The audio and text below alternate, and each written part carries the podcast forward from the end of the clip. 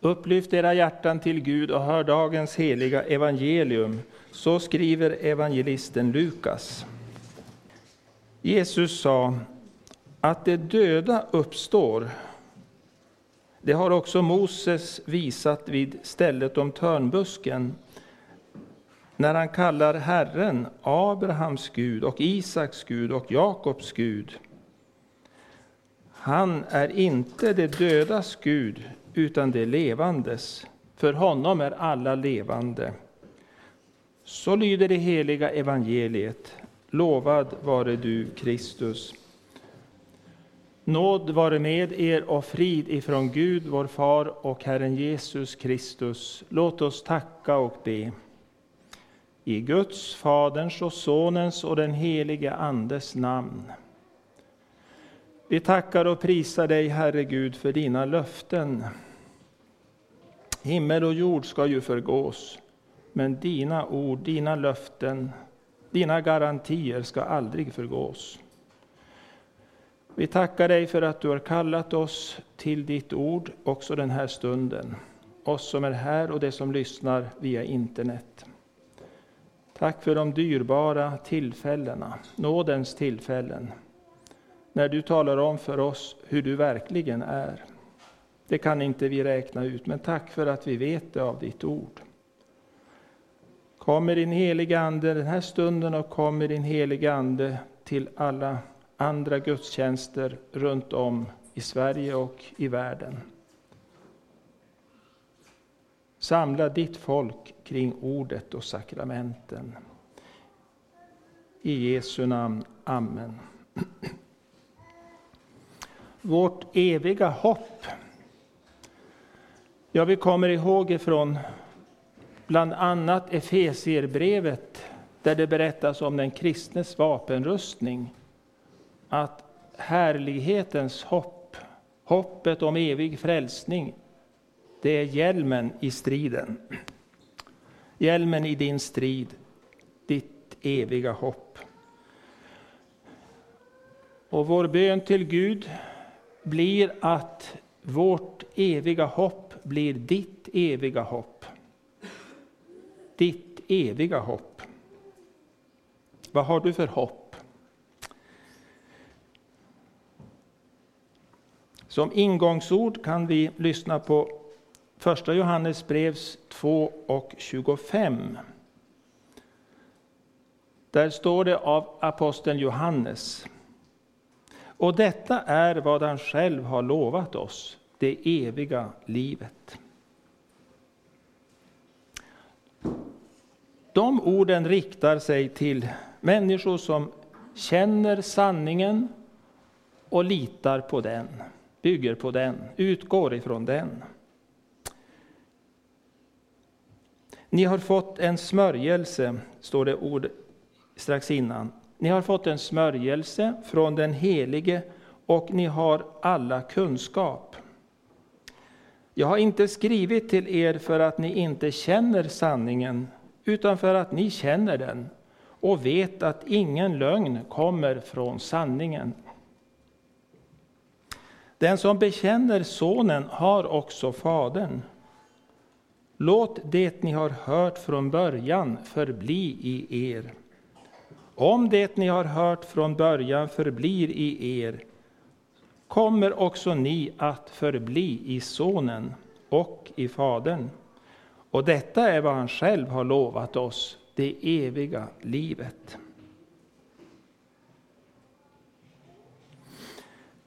Israels folks intåg i det utlovade landet är en förebild till Guds folks intåg i himmelen.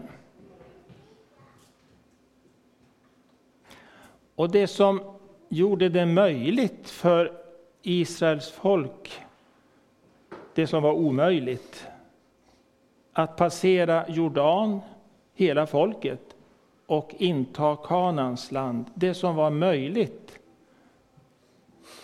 för att det som gjorde det möjligt, det var endast en enda sak. Det var Guds löfte. Och vi hörde löftet i den gammaltestamentliga texten. För om tre dagar ska ni gå över Jordan för att komma in i och, ta, och inta det land som Herren er Gud har gett er till besittning. Det var ju väldigt konkret löfte. Om tre dagar så ska det här hända.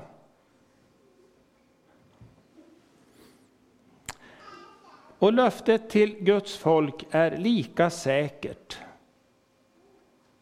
Han talar inte om för oss när vi ska inta det himmelska utlovade landet, men att vi ska göra det, det lovar han säkert. Det lovar han fastän det kanske låter för bra för att vara sant. Och detta är vad han själv har lovat. Det eviga livet, hörde vi ju. Och vi hörde i episteltexten om trons folk. Och dessförinnan vet vi att det räknas upp bland annat Abraham, trons folk. Hebreerbrevet 11, vers 13-16. De såg det himmelska hemlandet där borta i fjärran. De hälsade det och de bekände sig vara gäster och främlingar på jorden. De såg i tron ett bättre land. De längtade till sitt egentliga hemland. Gud var deras Gud som hade förberett en stad åt dem. Vi lägger märke till att Gud, alla människors Gud, han var just deras Gud. Så underbart att han var deras Gud. Är han din Gud? Gud hade förberett en stad åt dem.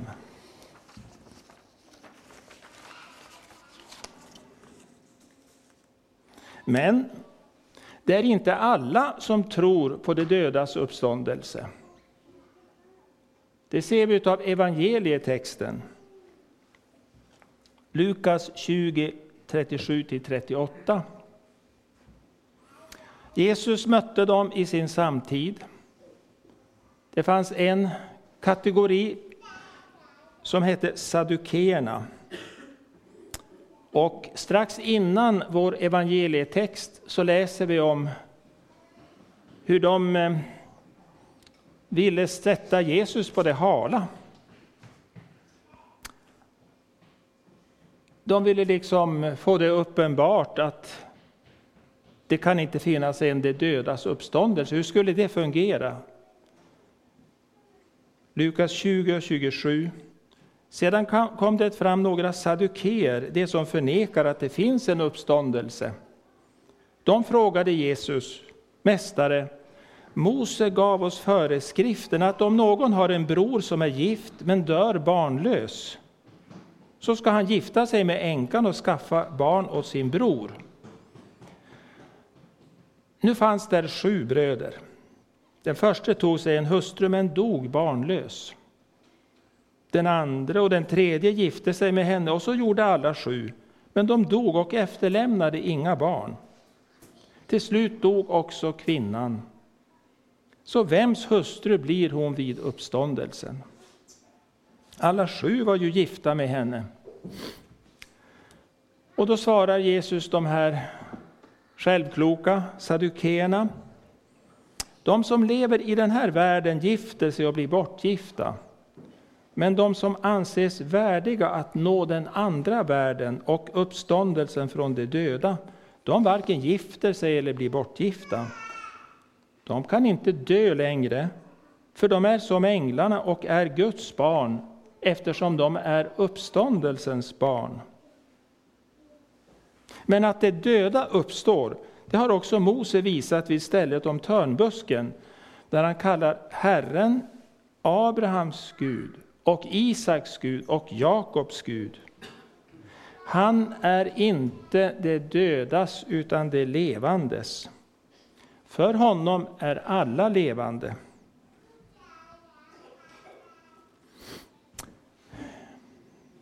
Om du tror på Gud och på den han har sänt, då räknas du också in i det som Jesus uttryckte så här. Då är du värdig att nå den andra världen och uppståndelsen från de döda.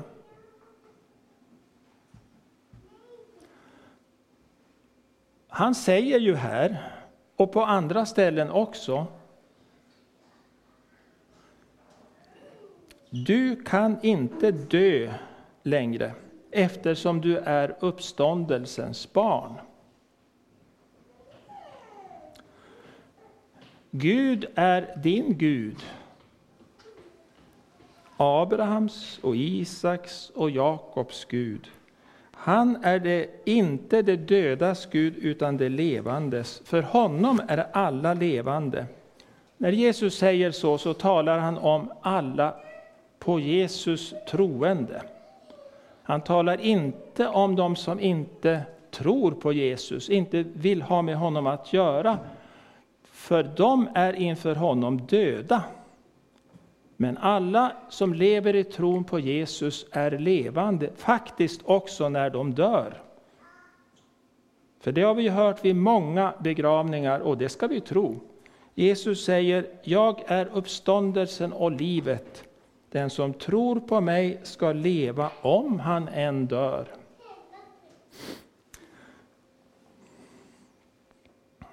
Nu vill jag sammanfatta vad dagens tre texter påmint oss om när det gäller ämnet vårt eviga hopp. Gammaltestamentliga texten säger att för om tre dagar ska ni gå över Jordan för att komma in i och inta det land som Herren er Gud har gett er till besittning. Gud lovar att han ska ge sitt folk det himmelska hemlandet. De ska ta det i besittning. Episteltexten. Människorna såg i tron ett bättre land. De längtade till sitt egentliga hemland. Gud, han var deras Gud. Och Gud hade förberett en stad åt dem. Och så till sist evangelietexten. Herren, Abrahams Gud och Isaks Gud och Jakobs Gud. Vem är han? Han är inte det dödas Gud, utan det levandes. Det är gott att Jesus visade genom det här uttrycket som vi läser på kanske mer än ett ställe han är Abrahams Gud, Isaks Gud, Jakobs Gud. Då säger Jesus att det, det står så eftersom Gud är de levandes Gud. Alltså lever Abraham, Isak och Jakob fastän de är döda. Och när du som också tror, likt Abraham, Isak och Jakob, dör, så, blir du in, så är du inte död, utan du sover i väntan på uppståndelsens dag. För din Gud är inte det dödas Gud, utan det levandes. Vilka löften! Vilka löften utav honom som inte kan ljuga. Sanningen ljuger aldrig. Resten av den här predikan ska handla om hur lätt det är att glömma, att tappa bort Guds löften. Hur lätt det är att tappa bort Guds löften. Vi har svårt för att komma ihåg det hopp som Bibeln talar om, eller hur? Istället för en glädje i hoppet så kanske du fylls av oro och hopplöshet många gånger. Du fylls av oro för konkreta svårigheter i ditt hem, bland dina närstående, och du fylls kanske också av oro för den mycket oroliga världssituation som vi befinner oss i. Du tänker, ska kriget månne utvecklas vidare i Mellanöstern? Och du fylls av oro när du hör om miljön som tar mer och mer skada. Du skulle vilja ha kontroll över läget. Du skulle vilja veta hur det ena och det andra ska lösa sig. Vi är rädda. Vi är rädda. Och hur skulle vi kunna vara annat när vi är så maktlösa? Vilken makt har jag att påverka det här? Du som har svårt för att behålla Guds löften, vad ska du göra? Jo, du behöver ju påminna dig Guds löften om och om igen. Istället för att driva med vinden på vågorna i din båt, hit och dit, så kan du ta fasta på löftena av Gud själv. Det står så här i Hebreerbrevet 6, vers 19. Det, detta hopp har vi som ett tryggt och säkert själens ankare som når innanför förhänget, innanför förlåten.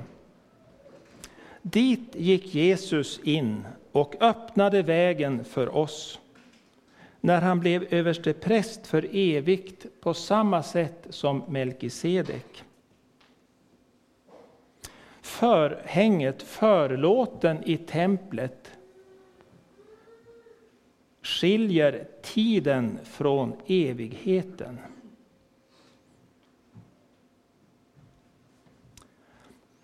Den som har sitt hopp och sin själs ankare innanför förlåten, den kan man säga håller fast vid Jesus själv.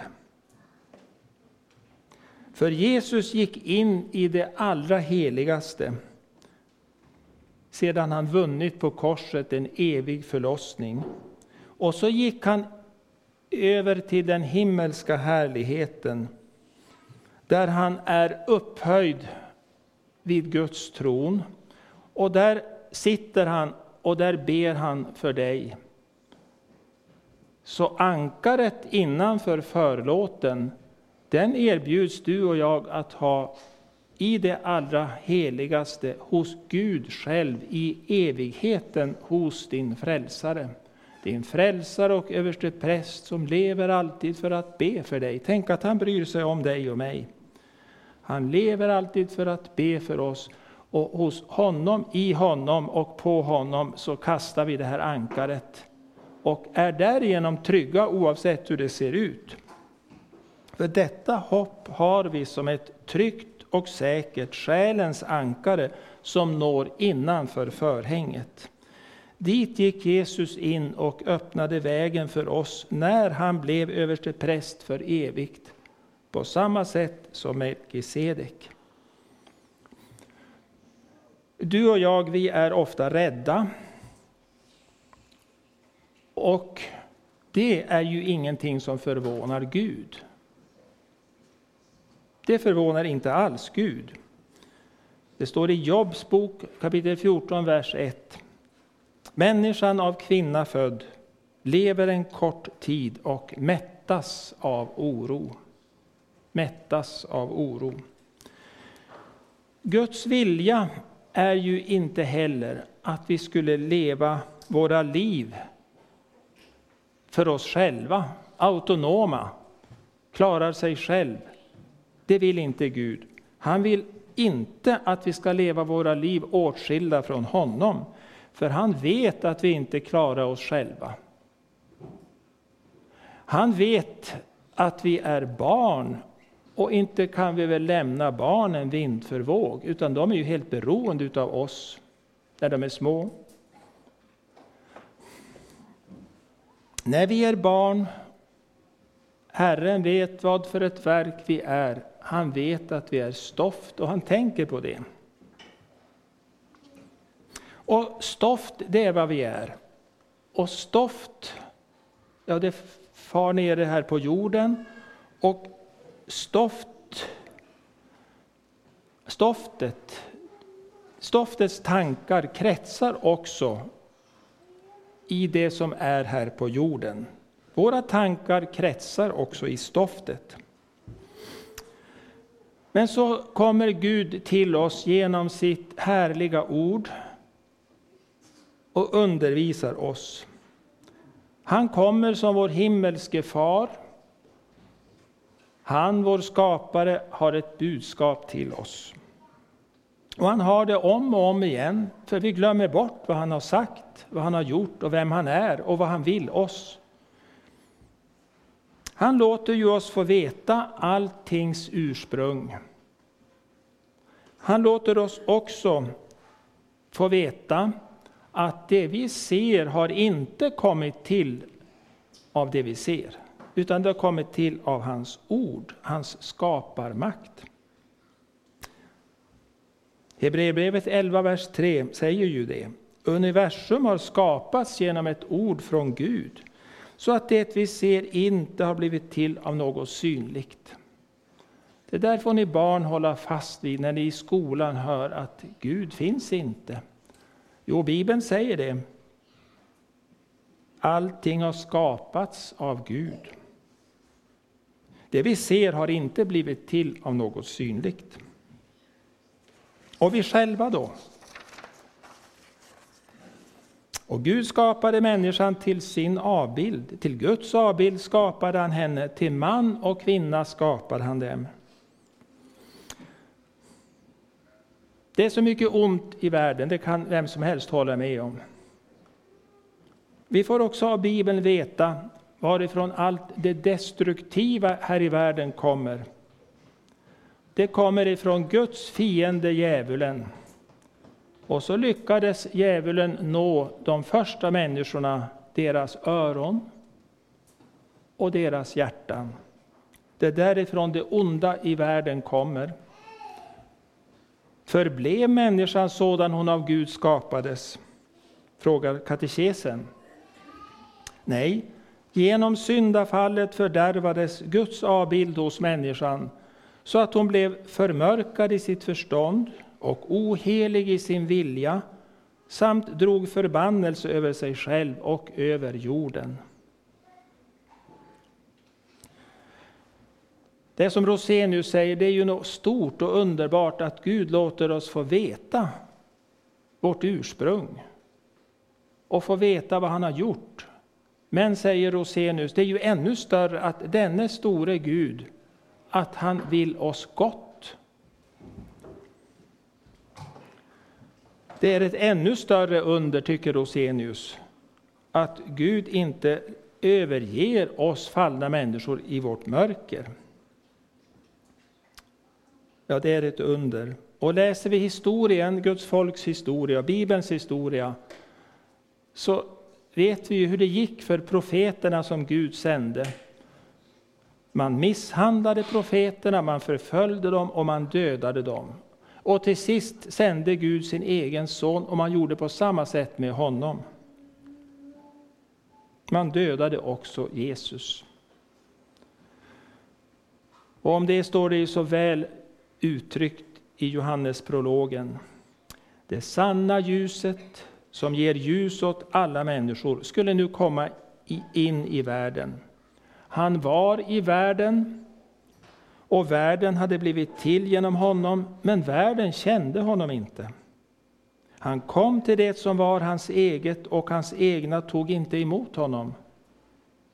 Men åt alla som tog emot honom gav han rätten att bli Guds barn åt dem som tror på hans namn. Det är inte födda av blod eller köttets vilja eller av någon mans vilja, utan av Gud. Det världen idag behöver, det är kärlek. Och varifrån kommer kärleken? Den utgivande, rena kärleken den kommer ifrån Gud. Gud är kärlek. Vad finns det för bevis på det? Jo, det största beviset på det, det är att han sände sin son, säger Bibeln. Jo, han sände sin son, inte till bara dig och mig, utan till hela världen. Så älskade Gud världen att han utgav sin enfödde son för att var och en som tror på honom inte ska gå förlorad utan ha evigt liv. Vårt eviga hopp. Det är avsett för alla människor. Du som har svårt för att vila i Guds löften och du som glömmer Guds löften. Du behöver som sagt påminna dig om dem dag efter dag. Hur många timmar kommer du ihåg Guds löften? Du behöver påminna dig dem om och om igen. För hos Gud så får du frid. Hos Gud får du faktiskt frid, hur det än ser ut här i världen. Vi läser ju så många exempel på hur Gud ger frid. Också när det är troende som befinner sig i fängelse och misshandlas och förföljs och hotas till livet. Hos Gud finner du vila i livets alla lägen. Vi behöver bara ta fram Guds löften för vi kan lita på dem det ena efter det andra, allesammans bär. Många av Guds löften har redan inträffat, men inte alla. Det är några som återstår att inträffa. Några som väntar på sin fullbordan. Jesus ska komma tillbaka och han ska komma tillbaka snart. Det är ett ord och ett löfte av Gud.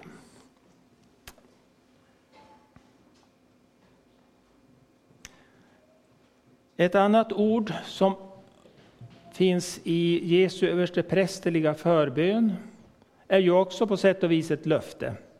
Han säger Fader, jag vill att där jag är, där skall också det som du har gett mig vara med mig, så att de får se min härlighet. Jesus har bett för dem Fadern har gett honom. Fader, jag vill att där jag är, där skall också det som du har gett mig vara med mig, så att de får se min härlighet. Vi får veta vad vi kommer att få se i den saliga evigheten. Vi kommer att få se Jesu härlighet. Det var stort att, men åt alla som tog emot honom gav han rätten att bli Guds barn.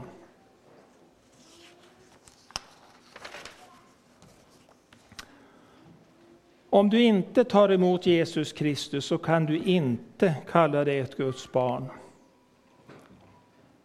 Då är du död för Gud, du blir kvar i döden och dör utan hopp. Och man kan inte efter livets slut omvända sig. Och det är ju en allvarsam liknelse som Jesus påminner oss om om den rike mannen i helvetet. I helvetet plågades han, står det. Och han ropade till fader Abraham om att Lazarus skulle komma och lindra hans nöd genom att doppa sin, sitt finger i vatten och svalka den rike mannens tunga. Och så bad han Jesus när han bad eh, Abraham, jag ber dig fader Abraham att du skickar Lazarus till min faders hus, för jag har fem bröder, så att Lazarus varnar dem, så att också inte de kommer till den plats jag har kommit. Och då är det intressant vad Abraham i den här liknelsen svarar. Lägg märke till det de har Mose och profeterna. Och då blir han motsagd av den rike mannen som säger så här, nej, nej, nej, nej, nej. Inte Mose och profeterna, utan om du, om du, eh, eh, någon kommer till dem från de döda, då omvänder de sig. Så tänkte den förlorade rike mannen. Och det svar som Abraham ger, det ska vi ta med oss. Lyssnar de inte till Mose och profeterna, så låter de sig inte övertygas ens om någon uppstår från de döda. Lyssnar de inte på Guds ord så skulle de heller inte tro och ta emot Jesus om någon uppstod från de döda. En mycket allvarsam liknelse, men vi behöver ta den till våra hjärtan. Inte minst med tanke på människor i vår omgivning som Gud vill lägga på vårt hjärta. Så att vi ber till Gud för våra familjemedlemmar som inte tror, för våra släktingar, för våra grannar, för våra arbetskamrater, för våra klasskamrater, för Sverige. För där Guds ord går ut, där bär det också frukt. Vi ska inte ge upp på något sätt.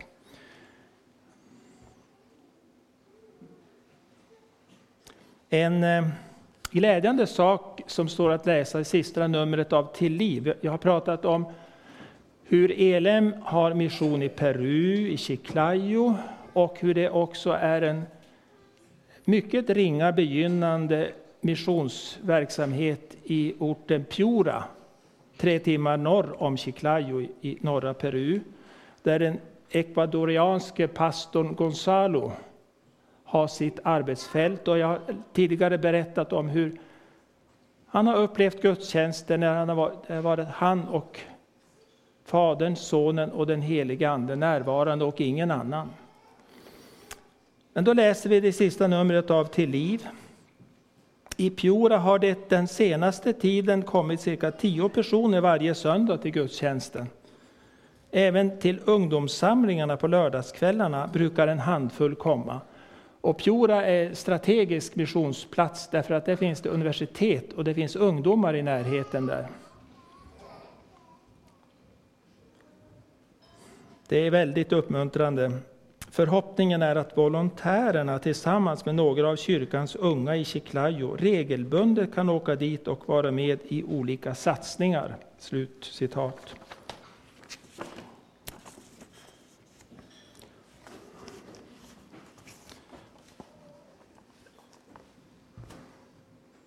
Låt Guds ord nå medmänniskor. Och det du absolut ska börja med i det avseendet, det är att be. Missionen börjar alltid med bön. Nu ska jag sammanfatta den andra delen av den här predikan. Det är lätt att tappa bort Guds löften. Guds ord och löften riktar sig till alla människor. Gud vill att alla människor ska bli frälsta, också du. Så älskade Gud världen att han utgav sin enfödde son. Han vill inte att någon ska gå förlorad. Det är lätt att glömma bort Guds löften. Vi behöver därför påminna oss dem om och om igen. Det ger själen frid. Han är vår frid. Jesus själv är vår frid. Han är det också om vi går, också vi, i vårt trygga Sverige, oroliga och omvälvande händelser i möte. Ja, vi har det redan i kriminalitetsvågen. Men hos Jesus så har vi en säker frid och i honom innanför förhänget så låter vi vårt ankare ligga kvar hos Gud i himmelen, hos Jesus vår förebedjare, vår överste präst, han som framställer sig i vårt ställe inför Gud. Vi är inte på något sätt framme, vi är pilgrimer. Och så får vi i fjärran skymta vårt hemland, vårt egentliga hemland. Det finns en stad, och jag läste innan episteltexten i Hebreerbrevet, Gud har redan gjort den staden klar. Den väntar på Guds folk. Det finns en stad, det finns ett land förberett av Jesus åt just dig.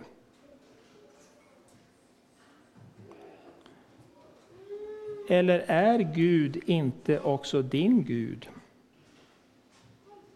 Låt då försona dig med Gud.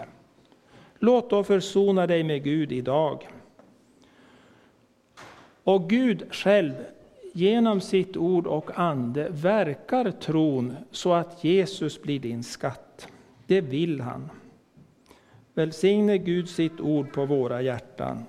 Amen. Lovad vare Gud och välsignad i evighet, som med sitt ord tröstar, lär, förmanar och varnar oss. Helige Ande, skriv ordet i våra hjärtan så att vi inte blir glömska hörare, utan varje dag växer till i tro, hopp, kärlek och tålamod intill tidens slut och så blir saliga genom Jesus Kristus, vår Herre. Amen.